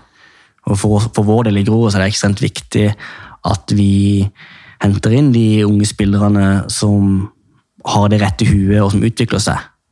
Eh, fordi vi kan ikke hvis, uh, Når vi hadde ambisjon om å, om å rykke opp til Obos-ligaen for andredivisjon, så kunne ikke vi signere opprykksspillere der og da. Vi måtte signere opprykksspillere som blir det om et år, mm, mm, hvis de får tillit. Mm. Og der er vi nå også. Hvis vi skal ta steg og nå playoff og rykke opp til Eliteserien, så kan ikke vi signere spillere med 100 Obos-kamper eller eliteserieerfaring. Vi må signere spillere som ikke har spilt Obos-liga før, men de er unge, og ved ett år, to år Obos-ligaen, så blir de opprykksspillere. Men da har vi utvikla de, så da vil det ikke koste det samme. Men øh, hvordan øh, har dere skaffa dere så høy sjøltillit at dere veit at dere kan utvikle dem? Hva er det du gjør som connect Altså, det kommer en ny spiller. La oss ta en eller annen random, eh, si en høyreback. Ung, lovende, med landskamper. Hvordan kan han eh, Hvordan blir han tatt imot? Hva er det han får beskjed om når han kommer? Han får mange beskjeder eh, før han kommer og når han kommer. Men jeg tror det viktigste er de tingene jeg prater om. Det med kulturen i garderoben. Hvor mye den betyr for han som spiller. Mm. Og at det er den rette kulturen. Og at det er en blanding av eldre, erfarne og mange unge sultne spillere på hans nivå. Og ikke bare enten-eller. Og så tror jeg det handler Det aller viktigste for alle øh, når de tar et valg og når de utvikler seg, er jo at de får nok spilletid og tillit. Eh, og da hjelper det at man har vist til det. At, at jeg som trener er en trener som tør å satse på unge spillere, og at de tar steg. Eh, og det må man si og overbevise om, men det viktigste er at man kan vise til det. Så at vi hadde hatt to år i andre divisjon hvor vi har brukt mange unge spillere, og vi har fått de inn på landslag hvor de allerede har vært på landslag før. Eh, og vi har rykka opp med de, med et av de yngste lagene i andre divisjon. Det gjør det mye lettere selvfølgelig å, å få tak i sånne Siden du tilfeldigvis nevnte en høyreback med, med landskamper som kom fra en toppklubb. Hva er det Kultur, skape noe, eh, gjøre, gjøre Altså, en god kultur gjør vel ting til at ting blir større enn deg sjøl. Som er en felles drivkraft for mennesker ofte. da, Å være en del av noe som er større enn deg sjøl. Grorud i mitt hue er jo definitivt det. Eh, og sett utenfra eh, noe som på en måte skinner ganske sterkt over hele klubben. Eh, men, men kultur er noe av det viktigste, og måte overhengende. Men hva er det som gjør at du eh, Eller hva er det du gjør som eh, får skinnende, denne skinnende kulturen til å blomstre på banen? Nå er vi litt mer over på fag. Hva er, hva er, det, du, hva er det du vil at Grorud Hvordan vil du Grorud skal spille? Og hvordan uttrykk ønsker du Grorud skal ha når, eh, når ditt lag eh, løper ut banen? Vi må alltid i bunn så må vi alltid gå på banen med en sånn ekstrem lyst til å kjempe om å vinne den kampen. der. Altså, skal være, det skal være disiplin, det skal være eh, vinnermentalitet, og det skal være lagfølelse. Jeg vil at det skal være en samla, sterk gruppe som sammen har en vinnermentalitet, og når de går på banen, så er de ekstremt tent eh, og er villige til å jobbe som faen og gjøre alt for å vinne. Altså, det må ligge i bunnen. Altså, vi Grorud fra Groruddalen fra hele historien er jo det er en arbeiderklasse drabantby. Ja, ja, det er Eh, sanger om det. og det må, det må skinne gjennom på banen også. Eh, Men nye Groruddalen er jo også ekstremt, en ekstremt rikdom, med 170 000 innbyggere fra 170 land. Det gir oss, det også må gjenspeile seg i, vår spillestil. Eh, Og vi har veldig mange med, med fart og teknikk og en-mot-en-råskap. Eh, og vi har en identitet i spillet vårt som kom fra Rolf-tida, men som også gjenspeiler folkene, unge, ungene i Groruddalen, på at vi er, vi er finspillende, vi er tekniske. Eh, Så vi må spille hurtig. eh, Og, og helst langs bakken. Mm. Så, men det må være en kombinasjon av de to. Mm. Du ser mange lag, eh, du ser mange unge spillere og mange barnelag i Groruddalen som eh, ja, de skal drible. Eh, og Helst så mange som mulig. Hvis du dribler tre, så er det suksess. Men når man slipper inn et mål imot fordi man mister ball når man dribler nummer fire, er ikke så viktig. Mm. Og det er ikke meg i det hele tatt. Mm. jeg- Jeg skal vinne, og jeg er kynisk. Men jeg tror, jeg tror vår måte å vinne kamper på er hvis det lar seg gjøre, å styre kampen med å dominere spillet og ha ball. Fordi det er det beste måten å vinne på, eller eh, nærmeste veien til målet, eller fordi du er litt estetiker i, i deg? Litt begge deler. Altså, det er litt, av alt, egentlig. Eh, Men, men mest fordi da kan man kontrollere kampbildet. Og prøve å diktere litt mer hva som skjer. Da er det ikke så tilfeldig. Mm. Og da handler det om å gradvis prøve å bryte ned motstanderen, motstanderen med ball. Men det er vi som bestemmer. Og det er mye lettere for meg å planlegge for å jobbe mot når du kan bestemme det. Ikke Du prøver å skape et uttrykk som eh, handler om å være et trekk eller to foran. Ja. Så du har litt mer forutsigbar i eget spill. Ja. Men som sagt, hvis det lar seg gjøre. Og Noe av det mest interessante som jeg syns som trener, og noe av det som kjennetegner oss mest, er at vi, vi kan tilpasse oss motstanderne med ulike kampplaner, ulike strategier. Det gjør det vanskeligere for andre lag å, å, å få tak på oss og finne ut av hva vi kommer til å gjøre. Eh, og Eh, Og derfor må jeg også signere spillere med ulike kvaliteter. Det å sette sammen en kampplan ut ifra hva er svakheten til neste motstander, og så finne ut av hvem passer den kampplanen. Altså, veldig ofte kan den spilleren som var den beste spilleren i kampen før, kan settes på benken, for det neste kamp så skal vi ligge bakpå og kontre. Og så gjøre ting, altså bytte fra, fra kamp til kamp underveis i kamper. Det syns jeg er ekstremt spennende. I norsk fotballforståelse så vil mange si at det veldig fort kan bli utydelig. Da. Og den spillestil er eh, rigga til for at det skal være forutsigbarhet og på en måte automatikk i det man gjør. Slik at spillerne er trygge på sin rolle. Hvordan mestrer du da å, å gjøre en spiller som eh, var banens beste i en 3-1-seier på én søndag, og så skal du forklare han eh, og resten av laget at han spiller ikke nå fordi vi har gjort om litt i formasjon, vi har gjort om eh, ganske mye strategi.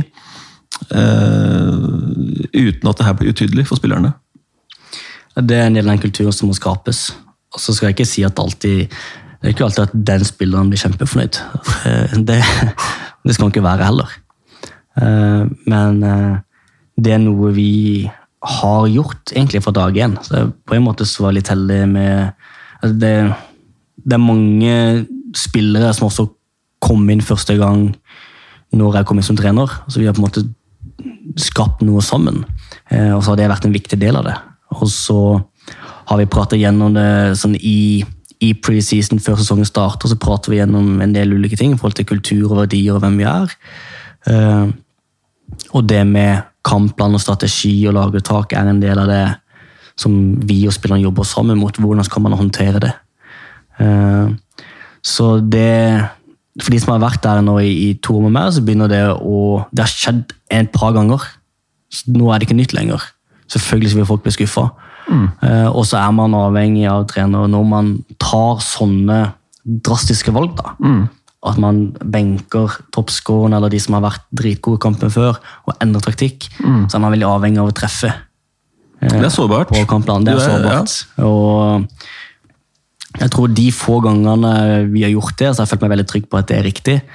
Eh, og så har vi stort sett truffet ganske bra på det, som gjør at da er det lettere eh, å gjøre det igjen. Men eh, Du det kan- er sårbart, definitivt. I hvert fall hvis du gjør store endringer. Ja. Men klart, i enhver spillestil da, så må du jo ha, sånn som dere sier på landslaget, så har det fem-seks eh, systemer. Mener, Det er jo eh, som virkelig skal, skal være robust og skape et vinnerlag. Så må du ha flere systemer for å tilpasse deg hva er riktig å gjøre. Eh, og jeg mener ikke at vi skal legge totalt om, eh, men at vi har Vi snakker om justeringer her, egentlig. ja, men, ja, men også Men også i forhold til eh, altså På spillet. altså Gå fra å virkelig dominere en kamp til å ligge mer bakpå kontra, er en ganske stor forskjell. da, Som noen lag aldri vil gjøre, eh, men som vi kan gjøre. Men, men eh, Ethvert fotballag må jo ha en strategi, en plan på hvordan skal man forsvare seg lavt, hvordan høyt, hvordan overgangene, hvordan kontringsspill. Og så er spørsmålet hva man vektlegger mest i den kampen. Hvordan metodisk tilnærmer du deg en uh, gitt treningsuke? Du, har, du vet uh, du har spilt kamp på søndag, og så vet du hvem du skal møte neste søndag. Uh, forhåpentligvis. Vi gjør våre forarbeider. Hvordan ser den uka ut når du skal på en måte begrave kampen som har blitt spilt, og så skal du åpne for en ny match uka etter. Hva, hvordan metodisk tilnærmer du deg for å gjøre laget ditt klare, og deg sjøl og trenerteamet? Og, ja. Søndag søndag så er ofte, ofte mandagen fri, og så er tirsdagen den analyse av kampen som har vært. Restitusjon, egentlig. Dagen hvor du avslutter på mange måter en, en syklus, uh, for vår del. Uh, ja, det er veldig ulikt om man trener dagen etter eller tar fri dagen etter. Altså, det er ulike mm. grunner for det. Uh, Hva liker du best? Jeg liker best å ta fri dagen etter kamp. Fordi det er mange grunner til det. Eh, kroppen er kanskje ofte mest sliten på dag to, mm. men huet er mest sliten på dag én. Så jeg sånn velge hva vil du ha fokus på på den dagen der. Da liker jeg å jobbe mye med huet, egentlig, mm. på dag to.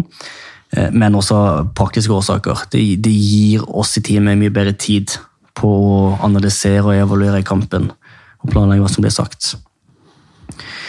Så dag tre, da, onsdag, er jo da veldig ofte en, eh, en fitnessdag. Styrkedag, kan man kalle det i noen teorier. Men hvor det handler eh, eksplisitt veldig lite om fag. Mm.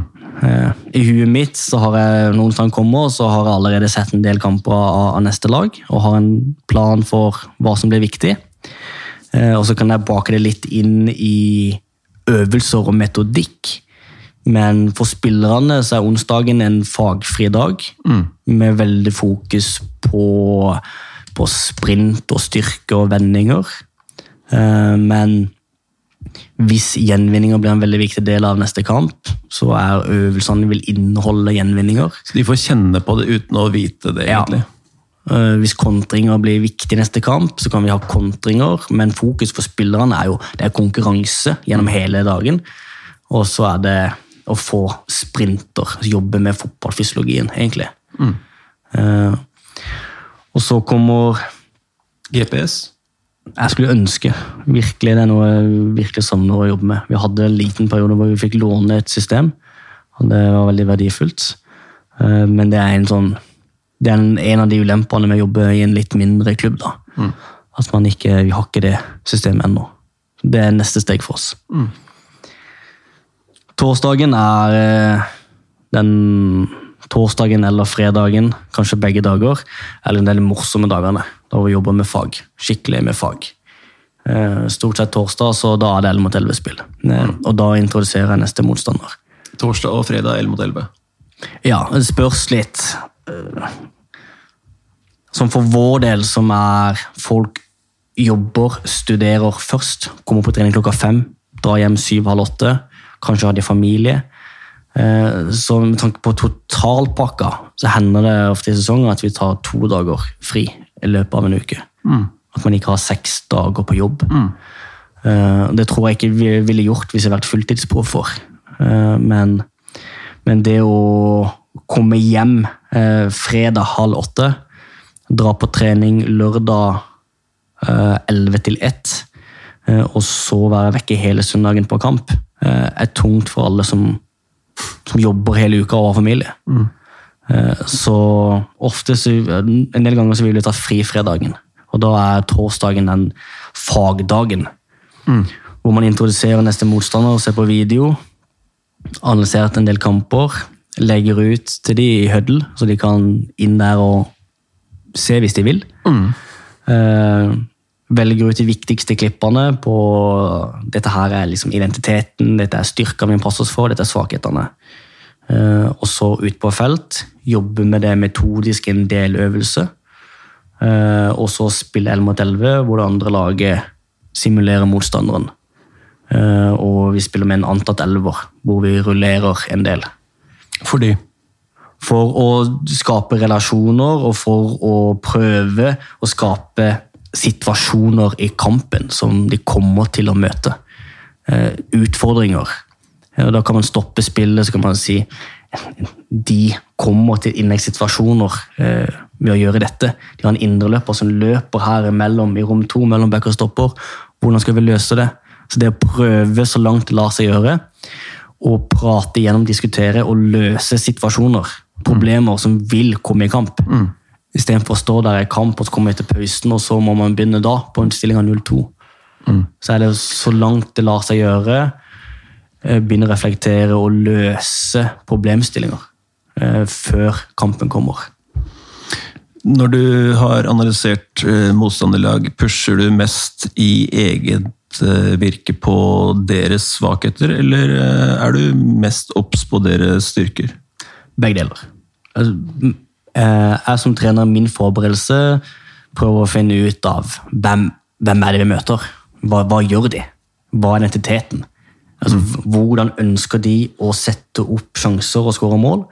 Hvordan ønsker de å forsvare seg? Hvilket rom gir de bevisst fra seg? Hvilke åpner de? Hvor er de svake? Hvor er det vi kan ta de? Hvor er de sterke? Hva er det, hva er det de er gode på? Noen lag har en veldig tydelig identitet, har en tydelig styrker. De har en 4-3-3 med en midtspiss som er ekstremt god i boks. Gausdal? Gausdal. Og de skal slå innlegg hele veien. Altså, hvordan skal vi stoppe det?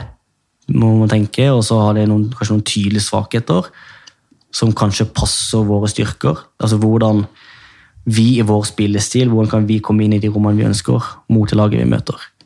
Så jeg må finne ut av det på best mulig måte.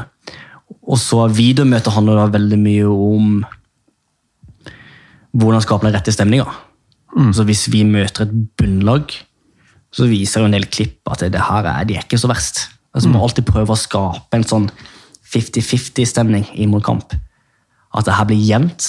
Kanskje 55-45. Det her blir ekstremt jevnt. Eh, De er, de er bra på mye, det her må vi passe oss for.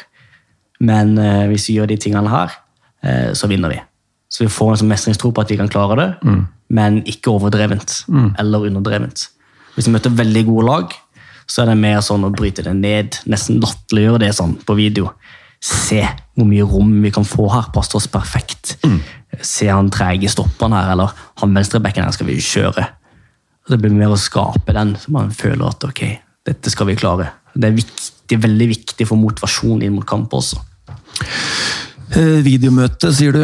Eh, hvor mye er eh, adressert til fellesen der? Hvor, hvor mange felles videomøter har du? Hvor mange individuelle videomøter har du eventuelt? Hvor mye, hva er balansen din mellom det individuelle, coachingen, relasjonelle coaching kanskje, i, i lagdeler, kontra det å coache fullt lag, både i videorommet og på, på felt? Jeg, jeg, jeg fokuserer mye på, på lag og strategi. Det er også litt med begrenset tid å gjøre.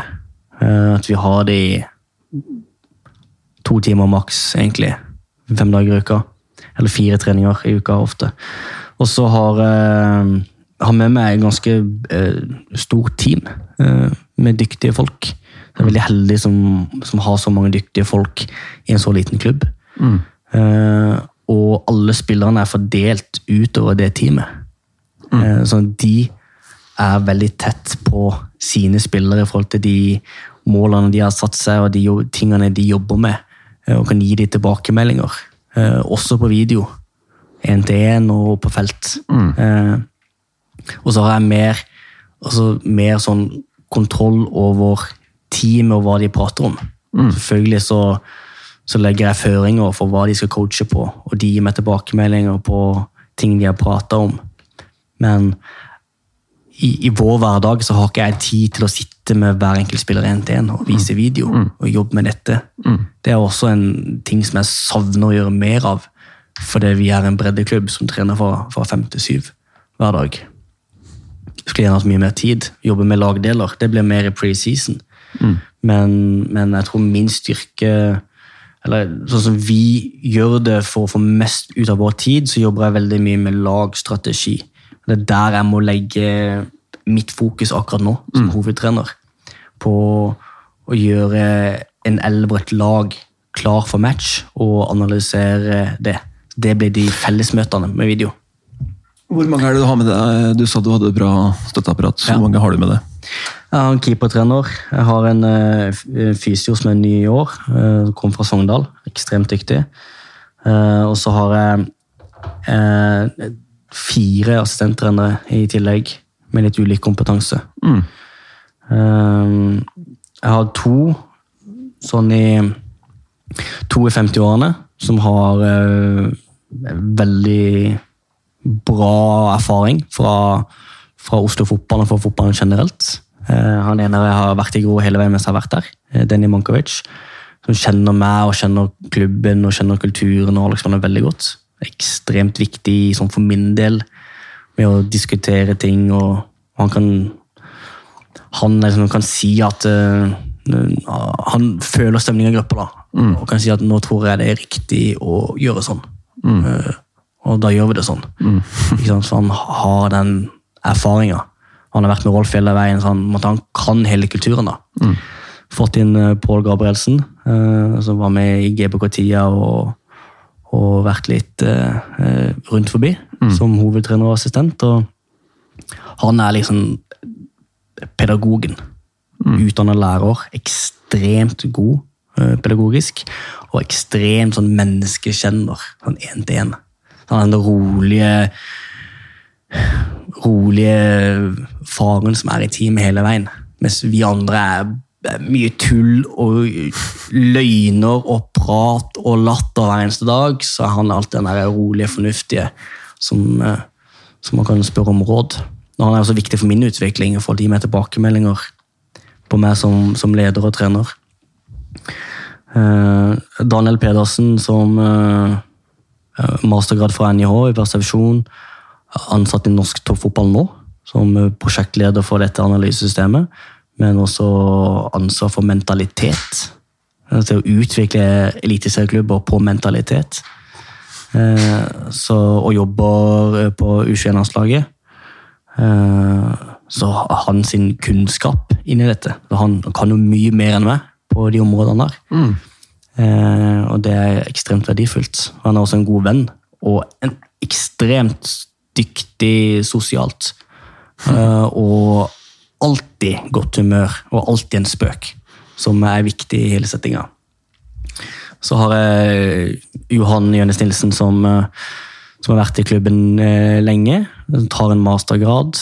Eh, veldig god på analyse. Gjør analyse for G17-landslaget. Eh, og han har mye, mer, han har mye tid, da. For han, han tar mastergrad må han møter opp av og til, og så er han på Grorud hele tida. Eh, og han var ikke der i fjor, han er ni år, og det har vært veldig verdifullt. Da har jeg en jeg kan spare med hele veien. Men han eh, Nei, altså de gutta her, de har ansvaret for eh, spill, enkeltspillere, eller gruppe, altså lagdeler, eller hva er det de Nei, vi har fordelt enkeltspillere. Ja. Noen, altså Prøvde å fordele litt sånn at Daniel har stort sett spisser, Johan stort sett forsvarsspillere, men er litt mer basert også på Det er såpass ulike typer, alle disse fire, at det er litt mer hva trenger spillerne. Det er ulik kompetanse. Så Vi kan bruke hverandres kompetanse, men spillerne er fordelt egentlig basert på det.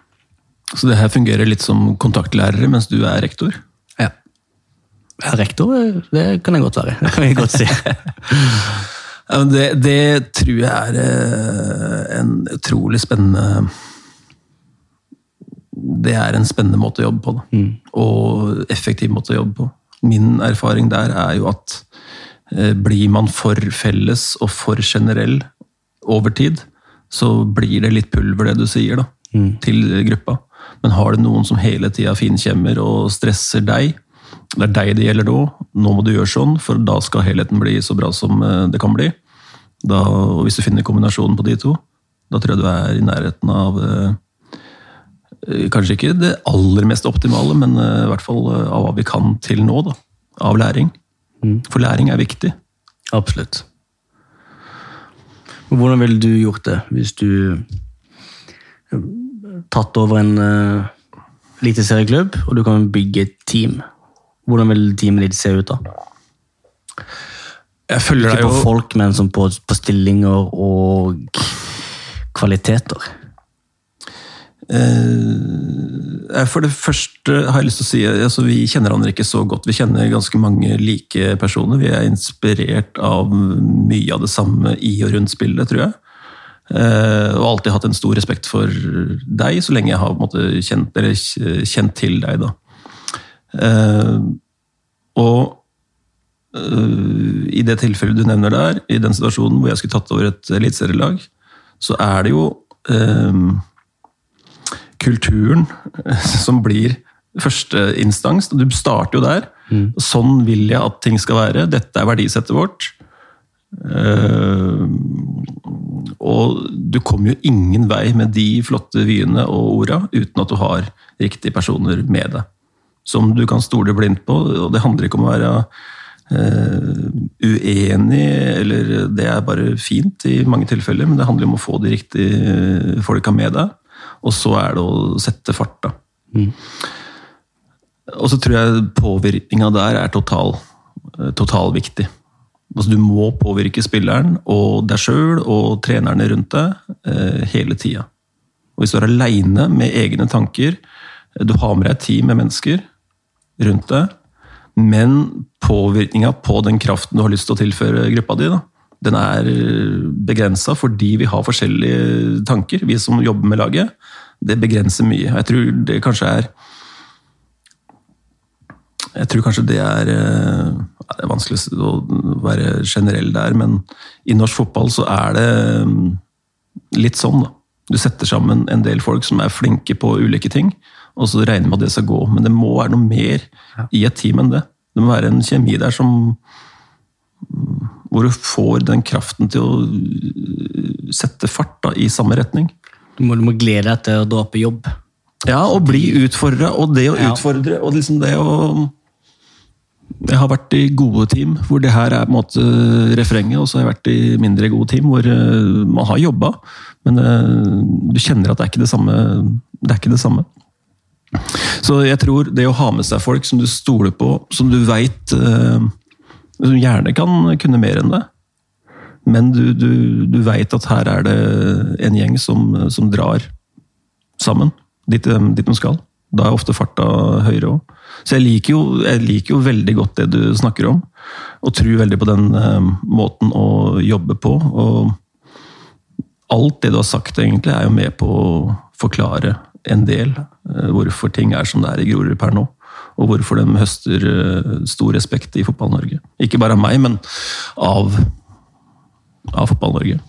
Jeg tror, eh, jeg tror det å, altså jeg tror latter er undervurdert i teambygging og i, i team generelt og i kultur generelt.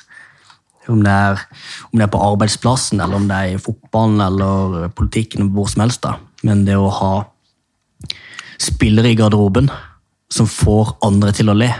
Enten ved å være dumme eller ved å fortelle gode vitser. Det å ha eh, folk i trenerteamet som alltid kommer inn i godt humør og ler av dumme ting jeg sier, eller, eller får andre til å le. Det tror jeg er ekstremt viktig, i hvert fall i fotballen. det- er sånn Perry er veldig tydelig på det, at du, han ler jo av alt, og han får andre til å le. Eh, sånn fin sånn kombinasjon til Lagerbäck. Perry er veldig tydelig på at du er nødt til å ha humor i denne bransjen. her. Jeg husker Leif Gunnar Smerud, U21-coach, spurte meg eh, hva var det siste du sa til gutt, Follo-gutta eh, da dere gikk ut på Brann stadion. Eh, og så tenkte jeg tilbake, det var jo en stund etterpå. Og så sier jeg jeg fortalte en ganske bra historie fra en guttetur jeg sjøl var med på i Göteborg. Noen år tidligere, da. Ganske mange år tidligere. Uh, og den har et bra sluttpoeng, uten at jeg skal dra den nå. Men, uh, så det siste gutta gjorde før de stilte seg opp uh, for å gå ut på banen, var å le. Og så eh, husker jeg ikke akkurat hvordan Leif Gunnar sa det, men han hadde lest en forskning fra en eller annen lege som kunne fortelle at en kreftlege som var i godt humør, eller hadde en latter i seg, da, han så bedre på røntgenbilder enn en stressa lege. Så han, kunne, han, kunne, han kunne faktisk oppdage dritt i andres kropp. Lettere, enklere, med å ha en letthet i kroppen. da. Ja. Så, og det er vel ikke en helt uviktig egenskap i, i fotballen heller, at du Nei. faktisk evner å se det som skjer rundt deg. For, Hvis, hvis du som leder kan være litt avslappa, smile, le litt daglig men Selvfølgelig, når treninga er i gang, så er man sånn seriøs, du vil ha kvalitet. Men før og etter, kommer inn i garderoben, smiler, forteller en vits altså, Du, alltid, du trenger ikke være det sjøl heller som hovedtrener, men å ha litt den stemninga i trenerteamet. I hvert fall i, i pressa situasjoner. Det tror jeg er ekstremt viktig. For hvis, man, hvis du som, som trener hvis du merker på deg at du er usikker og litt sånn stressa, så det, altså, det smitter. Det nonverbale det smitter ekstremt over på, på stemninga i gruppa. Jeg tror vi snakker om et toppidrettsvi her, og, og latter er en del av det.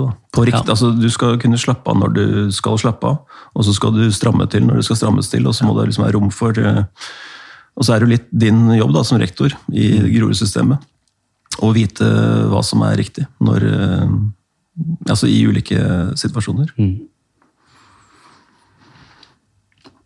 Hvis vi skal se litt eh, Vi må begynne å runde av snart. Hva norsk fotball? Hva er, det, hva er det for mye av i norsk fotball, syns du? Det er for mye av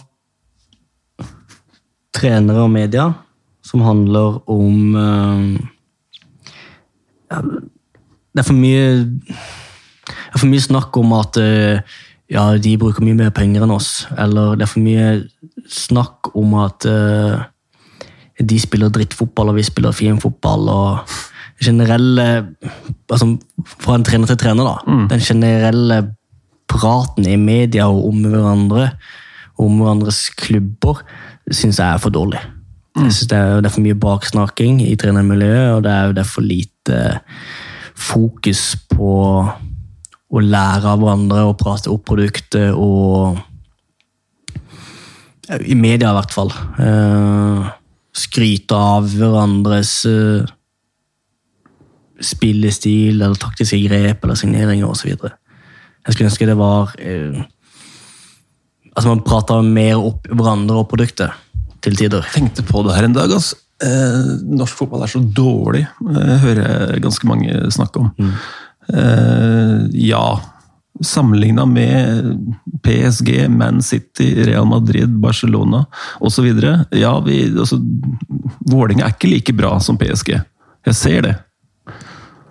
Men norsk musikk Sammenligna med Beatles, med Elvis blir kanskje feil, Springsteen Hvor mange norske musikere toucher de gutta her? Michael Jackson. De beste. Og så kan du sikkert eh, dra det videre i alle mulige andre sjangere òg. det er ikke verdens beste prosjekt vi har i norsk fotball, men det er ikke dårlig heller. Nei. Og du har, eh, du har a-ha, og du har eh, Ødegård. Ja. Og det er vel ikke noe unormalt med norsk fotball kontra andre instanser i det norske samfunnet? Nei. Hvis man kan bruke de orda. Hva er det vi har for lite? Du er litt inne på det. Lite, hva er det vi har for lite i norsk fotball? Jeg tror jeg har for lite av dette, egentlig. Eh, For lite eh, samlingspunkter for eh, I hvert fall for oss hovedtrenere. Mm. Så vi kan møtes, prate fag, dele. Mm. men altså, du må ikke altså, Det er en bra delingskultur i norsk fotball. Sånn uh, internt og mellom trenere. Det er den mediebiten jeg prater om, da, eh, stort sett, som ikke er bra nok. Men jeg skulle ønske man uh, kanskje hadde enda flere samlinger som dette. Hvor man kan sette seg ned og, og prate fag og, og, og dele for å utvikle produktet norsk fotball. At flere tenkte større enn seg sjøl og, og sin klubb. Så det, det er veldig vanskelig, men, eh, men eh, jeg skulle hatt mer av det. Det, det er eh, når vi, altså, Det er bra for norsk fotball at vi er en klubb som utvikler og satser på unge spillere. Det var ikke gitt at vi skulle rykke opp til Obos-ligaen når vi begynte med det for to år siden. Mm. Egentlig stikk motsatt. Mm. Eh, så og, og jeg tror det å At, at flere klubber og, og trenere tenker en mer sånn nasjonal tanke om at norsk fotball skal bli bra.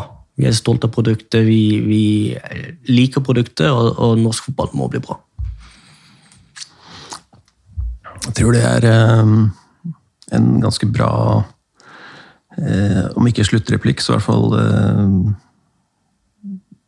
jeg tror, jeg tror du er inne på fryktelig mye riktig, Erik. Og det, det irriterer meg nesten at du ikke har rukket å bli 30 år ennå. For du, du er øh, svært reflektert og har et syn på hvordan gjøre folk og lag bedre, på, som er på et høyt nivå. Det er, det er kjempespennende, og vi, vi gleder oss selvfølgelig alle sammen til å se hvor Grorud eh, tar veien når normalen kommer, kommer tilbake i, i fotballen. Eh, og det blir superspennende å følge dere. Jeg eh, Hvis ikke du har noen avsluttende kommentarer, eh, Kjøne, så skal jeg takke redaksjonen for eh, dagens sending, men eh, du må gjerne ta ordet litt til. Nei, jeg tror jeg, tror jeg prata nok nå. Jeg tror, Ja, men det, det har vært, vært veldig bra. Og jeg, igjen, jeg sa litt før her òg at du sier veldig mye bra, og så er det masse av det du ikke sier som ligger innbakt her, som jeg håper også oss andre eh, hører på. Og skru gjerne tilbake eh, når sendinga tar slutt, og hør en gang til, for det, det ligger ganske mye fornuftige ting her. Jeg vil takke Ole Kristian Amundsen, Vidar Gjengdal Hansen, Anders Stensås og ikke minst Freddy Doss eh, for at de er en del av Fotballytics og lager sendinger sammen med meg. Og så var det Hans Erik Eriksen som var eh, host i dag, og snart får jeg jo selskap igjen, men, eh, men vi, vi kom oss i mål. og vi, eh, vi ser fram til neste. Takk for at du hørte på, og eh, stay safe.